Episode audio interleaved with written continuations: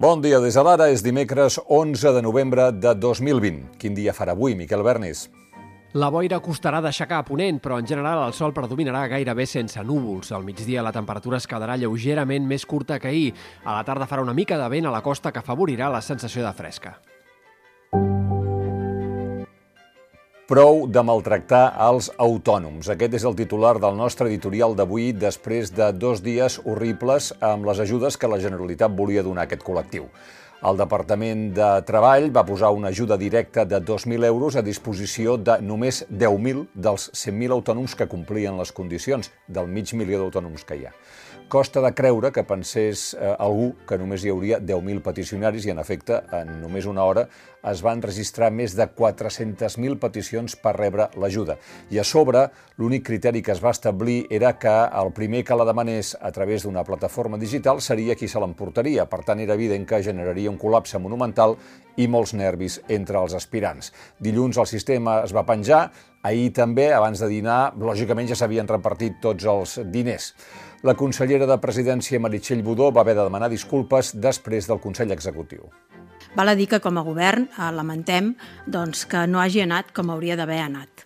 I jo, si m'ho permeten, demano disculpes en nom del govern a la gent que ha estat fent intents rere intents i repetint l'intent d'accés i que no ha pogut finalment tramitar aquest ajut sobretot, sobretot aquelles persones que estan en aquells col·lectius més afectats per aquesta crisi sanitària. Aquest mateix dimarts ja s'ha fet una reunió per replantejar les ajudes. A l'editorial diem, si no hi ha diners, que es digui i es denuncia a Madrid, però que el que no es pot fer és generar més frustració entre els autònoms.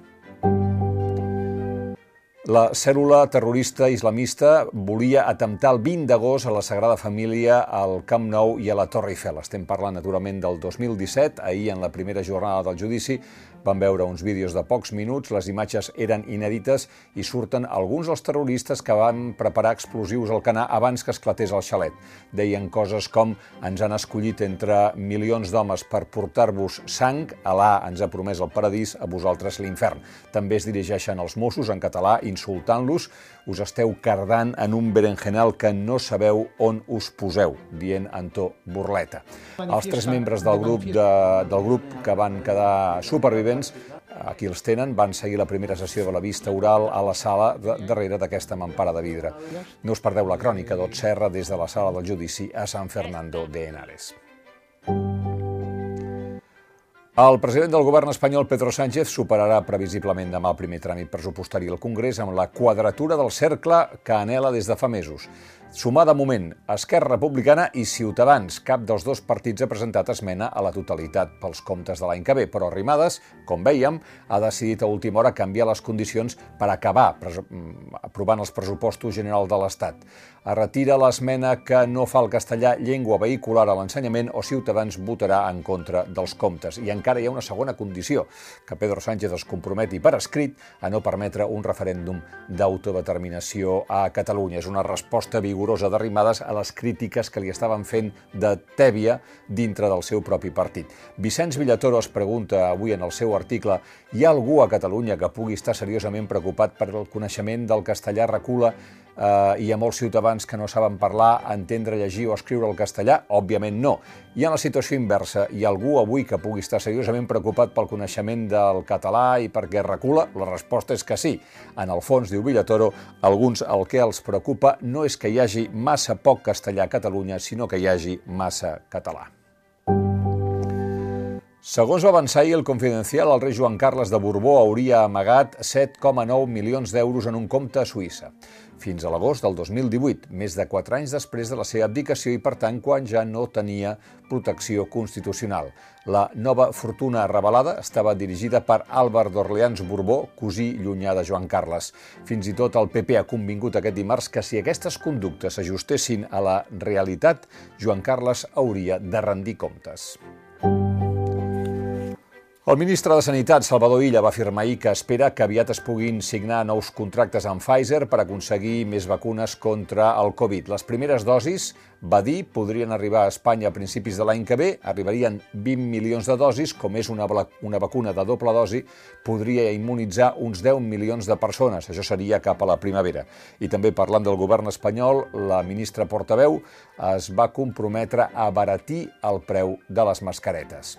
I tot i la pandèmia, les eleccions del 14 de febrer no corren perill. El Procicat ha acordat que en els comicis del Parlament s'utilitzin pavellons o altres espais amplis similars que permetin una distància mínima de dos metres eh, quadrats, dos metres i mig quadrats per persona. S'utilitzaran com a substituts de les escoles que només es faran servir com a col·legis electorals si no hi ha alternativa i sempre que hi hagi una desinfecció acurada.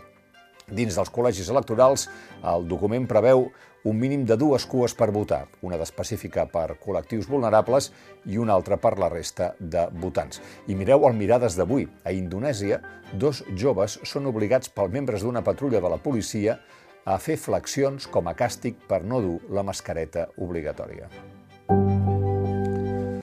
Als Estats Units encara hi ha quatre estats que encara compten vots una setmana després de les eleccions. Trump no ha parlat en públic des de dijous i mentre Biden ja parla per telèfon amb tot de líders mundials, com el president eh, de França o el primer ministre britànic, el secretari d'Estat Mike Pompeo va pronosticar ahir que sí que hi hauria una transició pacífica però cap a un segon mandat de Trump. Quan li ho van comentar Joe Biden va considerar vergonyosa la manera com Trump rebutja donar-se per vençut, però hi va treure importància i va dir que el seu equip avançarà en la transició i ningú no ho aturarà. Paraules de Joe Biden.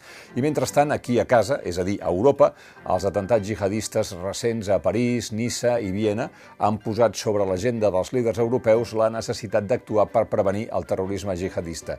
Hi ha una proposta de crear un institut europeu que formi imants amb l'objectiu d'actuar contra la radicalització. De fet, Alemanya va anunciar ahir que limitarà la presència d'imams turcs a les mesquites del seu territori i que els formarà per aturar aquesta radicalització dels joves.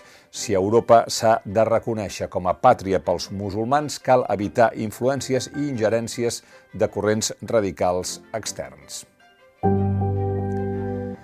I atenció perquè d'aquí un mes i mig, al gener de l'any que ve, es reformaran algunes normes de trànsit i les sancions corresponents. Ho teniu tot explicat en aquesta pàgina. Inclouen baixades de velocitat, ús del mòbil. Augmenta de 3 a 6 punts la sanció per conduir subjectant eh, el mòbil amb la mà portar mecanismes de detecció de radars fins i tot si no es fan servir implicarà una multa de 500 euros i la pèrdua de 3 punts i patinets elèctrics no podran circular per voreres i zones de vianants i caldrà portar a sobre un certificat de circulació del patinet amb els requisits tècnics previstos en un manual. Fins aquí les claus del dia. Gràcies per la vostra atenció. Tornem d'aquí uns minuts amb l'anàlisi de l'actualitat.